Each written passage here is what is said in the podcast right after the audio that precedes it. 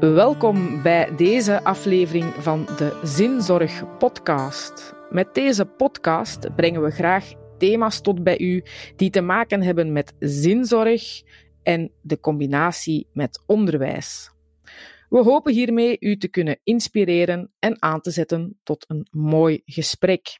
Vandaag heb ik niemand minder bij mij dan Christa Damen. Welkom, Christa. Kan jij je heel even kort voorstellen? Goeiedag allemaal. Ja, ik ben Christa Dame. Ik ben nu werkzaam als stafmedewerker met coördinerende opdracht identiteit. En dat betekent dat ik heel concreet voor Katholiek Onderwijs Vlaanderen werk en daar alle thema's behartig die met identiteitsontwikkeling te maken hebben.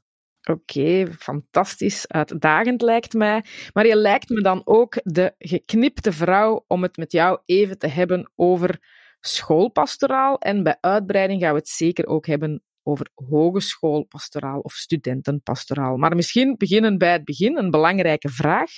Wat versta je onder schoolpastoraal? Wel, wij gebruiken eigenlijk altijd een driehoek om te zeggen hoe pastoraal en katholieke identiteit en het vak Rooms-Katholieke godsdienst zich tot elkaar verhouden. Voor heel veel directeurs, ook schoolbesturen enzovoort, loopt dat allemaal door elkaar. En wij proberen duidelijk te maken dat dat toch wel verschillend is. De Rooms-Katholieke godsdienst als vak is misschien het makkelijkst te scheiden van de andere twee, omdat je daar leerkrachten hebt die binnen een klascontext over die Rooms-Katholieke godsdienst lesgeven. Het is een schoolvak, dat wordt ook geëxamineerd enzovoort. Daarnaast heb je twee luiken, katholieke identiteit. Als wij binnen Katholiek Onderwijs Vlaanderen naar onze scholen kijken, dan zijn dat allemaal katholieke scholen die op een of andere manier dat katholiek zijn willen concreet maken. Ze gaan vanuit hun identiteit school maken. We proberen die vrijheid van onderwijs eigenlijk te benutten om vanuit een christelijk mens- en wereldbeeld naar ons school zijn te kijken.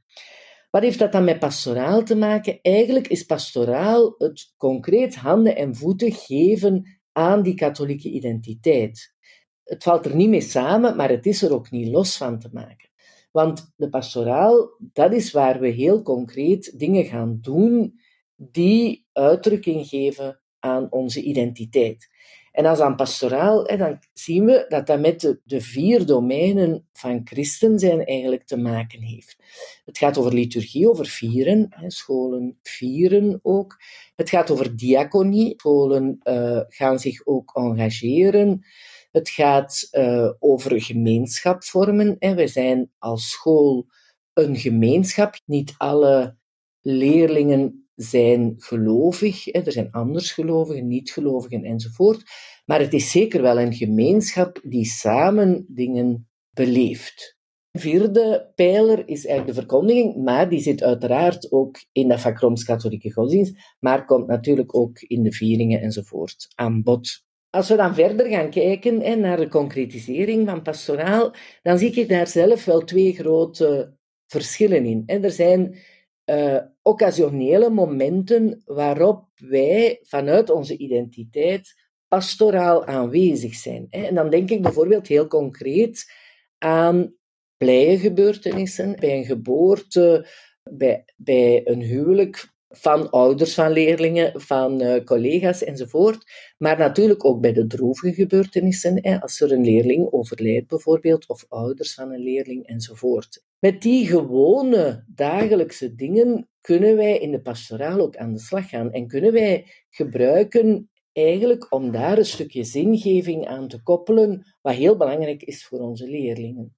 Daarnaast hebben we natuurlijk een aanbod. De bijzondere momenten, ik denk maar aan vieringen bij begin van een schooljaar, uh, naar aanleiding van de Advent en Kerstmis of uh, de 40 dagen tijd en Pasen enzovoort dat klinkt als een, eh, een hele ruime beleefwereld, om het dan zo te zeggen. Ik ga misschien een, een stoute vraag stellen, Christa. Een, een, katholieke school waarin helemaal niets gedaan wordt rond, uh, rond pastoraal.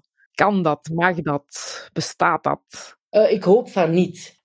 ik hoop dat onze katholieke identiteit voor ons zo'n uitdaging is dat we daar echt wel iets mee willen doen in het concrete schoolleven. Ik zie wel scholen die worstelen met die pastoraal als ze bijvoorbeeld een hele grote diversiteit aan leerlingen hebben. En dan uh, zit daar toch ook wel de uitdaging in van hoe kunnen wij dan vanuit onze identiteit naar die leerlingen toe een aanbod doen. En dan zitten we op niveau van, van uh, wat kunnen we, wat mogen we, hoe uitnodigend zijn we. Hè? Want allee, we, dat mag toch wel heel duidelijk zijn dat we geen leerlingen gaan dwingen of verplichten om iets te doen wat tegen hun eigen geloofsovertuiging ingaat. Dus pastoraal is hm. altijd uitnodigend, zoals het bidden bijvoorbeeld in de klas ook altijd uitnodigend is. En dan moet je gaan zoeken naar gelang de context van jouw school, de leefwereld, uh, de collega's die op school zijn, van wat is er dan wel mogelijk. Maar het, persoonlijk vind ik dat het niet kan dat een katholieke school niks zou doen dat haar identiteit handen en voeten geeft. Ja, oké. Dat is uh, heel duidelijk. Um, ik wil graag het bruggetje maken van de schoolpastoraal met leerlingen en jongeren naar de context van de hogeschool of de universiteit. Kan dat daar ook, uh, de dingen die je net allemaal noemde, kunnen die daar ook plaatsvinden? Wel, uh, ik ben zelf in een ver verleden nog hogeschoolpastor geweest. En uh, ik ben heel blij dat uh, de VUHP, de Vlaamse Universiteits- en Hogeschoolpastoraal, als groep nog altijd bestaat hè, en elkaar ook vindt. Want inderdaad, die uitdaging is heel groot om ook in die context aan pastoraal te doen. Daar zitten belangrijke verschillen, denk ik, met het basis- en secundair onderwijs, maar ook gelijkenissen. Ik denk dat je ook hier als universiteit of hogeschool een aanbod kunt doen vanuit de organisatie. Ik denk dan aan uh, bij de start van het academiejaar een aanbod bijvoorbeeld voor de studenten, evengoed ook bij de collega's, maar ook bij een proclamatie kan er iets verdiepends, iets zingevends vanuit onze katholieke traditie aan bod komen. Het is misschien wel vrijblijvender dan in het basis- of secundair onderwijs, omdat je daar de pastoraal vaak organiseert tijdens de lestijden, hè, tijdens de, schoolcontacten. En dat is natuurlijk moeilijker aan een hogeschool of universiteit. Hè, daar kom je meer terecht in de vrije tijd. Zelf heb ik ook ondervonden dat pastoraal dichtbij moet zijn. Campusoverschrijdend werken is heel moeilijk. Het, is, het klopt dat studenten niet zomaar geneigd zijn om zich te gaan verplaatsen, om uh, aan een aanbod deel te nemen. Maar het, allez, ik zie heel mooie voorbeelden uh, van een aanbod. Ik denk aan solidariteitsacties waar het accent ligt op engagement. Ik zie uh, hier en daar een aanbod rond vieringen of bezinningsmomenten. Hè. In, de, in die sterke tijden, die dagentijd, advent enzovoort, zijn toch wel kansen om daar iets mee te doen. En ik denk dat je als hogeschool of universiteit, als je dat katholieke label draagt, echt wel ook wel de verplichting hebt, vind ik, om naar studenten toe een aanbod te doen. Ik vind dat zij dat ook mhm. mogen verwachten als zij voor uh, die uh, universiteit of hogeschool kiezen, dat daar een return tegenover staat vanuit die katholieke traditie. Daarnaast is er natuurlijk een heel belangrijk gegeven en dat is die presentie. Ik denk dat wij aanwezig moeten kunnen zijn bij studenten in goede en kwade dagen. Bijvoorbeeld, ik heb het zelf regelmatig meegemaakt, dat studenten geconfronteerd worden met een overlijden binnen hun jaargroep of in hun persoonlijke context. En wij hebben daar die evolutie meegemaakt dat de studentenbegeleiding heel sterk geprofessionaliseerd is. Denk aan alles wat er binnen Stuvo zit. En dat is heel goed, denk ik. Maar er is daarnaast volgens mij ook een belangrijk gegeven om vanuit zingeving bij studenten aanwezig te zijn. En daar is die pastoraal volgens mij heel belangrijk. Denk aan inderdaad de UA bij Zomaar een Dak, die eigenlijk heel te midden in het studentenleven vrijgestelden hebben. En dat is natuurlijk heel mooi om die presentie waar te maken. En misschien is dat wel een, een eh, knipoogje naar de hogescholen om te zeggen van maak alsjeblieft tijd en ruimte om dit aan studenten te kunnen aanbieden. Ja, dat kan niet mhm. anders dan zich vertalen in een aantal percentages van mensen die daarvoor vrijgesteld worden. Maar ja, het blijft een hele uitdaging. Hè. De studentengroepen zijn zo groot en die nabijheid is tegelijkertijd zo belangrijk dat we daar echt creatief moeten blijven over nadenken hoe dat we dat kunnen realiseren. Ja, ik hoor eh, heel mooie dingen over uh, dichtbij zijn. Ook de studenten maken dingen mee waar dat zij misschien iemand nodig hebben om uh, ja, een moment van stilvallen te begeleiden. maar dat er kansen moeten gegrepen worden, maar dat er ook in tijd en ruimte kansen moeten worden gegeven. Je gaf ook al een heel klein stukje een antwoord misschien op mijn volgende vraag, maar je mag er zeker nog dieper op ingaan. Waarom is het nu zo belangrijk om hier aandacht voor te hebben, voor al die voorbeelden die je al gaf? Ik denk dat studenten vaak nood hebben aan die zingeving. Wij leven in een maatschappij waar dat heel sterk onder druk staat.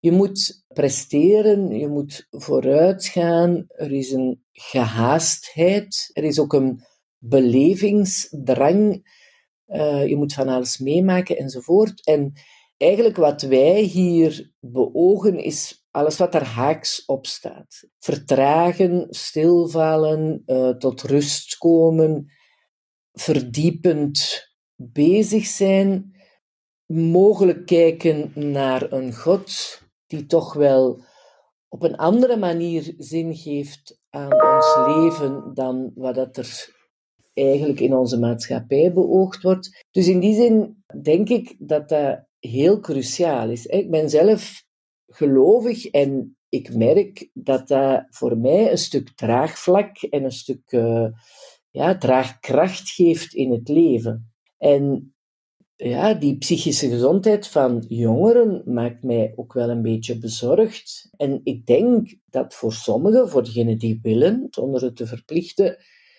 uh, dat geloof echt wel een betekenis zou kunnen zijn in hun leven. Uiteindelijk heb ik daardoor geleerd dat ik niet het laatste woord heb, maar ook niet de laatste bijdrage. Als ik als mens zeg van tot hier gaan mijn krachten en nu geef ik het uit handen, dan is daar wel iemand aan wie ik het uit handen kan geven. En eigenlijk is voor mij de grote uitdaging van de pastoraal om, om jongeren te triggeren en te zeggen van kijk, hier zit een kans in. Het is een cadeau als je dat krijgt. Het is geen, geen last, hè. integendeel. Het is iets dat u gegund wordt, dat een cadeau is. En het zou heel fijn zijn als je dat ontdekt. En als je daar in je leven iets mee kunt doen. En vanuit die overtuiging vind ik dat wij daarin moeten investeren. En dat we ook aan jongeren zelf moeten getuigen van wat dat voor ons betekent. Uh, en, en ja, misschien zit daar voor mij ook wel een stuk de hoop achter dat ze dat, ze dat zelf ook ontdekken. Ja, dat is uh, heel, heel mooi, uh, Christa. Een, een tegengewicht van een, een hele mooie aanwezige God. En van daaruit toch een mooi divers, rijkelijk creatief aanbod proberen aan te bieden. We zijn bijna aan het einde gekomen van deze zeer zinvolle, inspirerende podcast. Christa, heb jij nog misschien één advies voor al wie naar onze podcast aan het luisteren is en effectief met pastoraal bezig is bij jongeren, bij studenten, lagere schoolkinderen, noem maar op? Wat zou je hen nog willen vertellen? Wel, je hebt zelf die, die woorden rijk aanbod en diversiteit gebruikt. Daar is voor mij eigenlijk het advies dat ik zou willen meegeven van probeer creatief te zijn in pastoraal. Probeer echt inderdaad een divers aanbod te doen, want de ene leerling wordt meer aangesproken door een viering, de andere meer door een engagement. Uh, misschien moet je zelfs gelijktijdig een diversiteit aanbieden, waardoor leerlingen geprikkeld worden om een keuze te maken. En dan kan je hen ook aanspreken op die keuze. In plaats van allemaal op hetzelfde moment naar een Eucharistie te gaan. Nee, probeer misschien vijf verschillende dingen aan te bieden. En misschien gaan er dan maar vijf leerlingen mee naar die Eucharistie, maar voor hen is dat wel belangrijk. Natuurlijk, daartegenover staat, als je het gemeenschap vormen belangrijk vindt, dat je ook absoluut dingen op schoolniveau mag doen. Dat je zegt van dit gaan we nu ervaren met heel de school.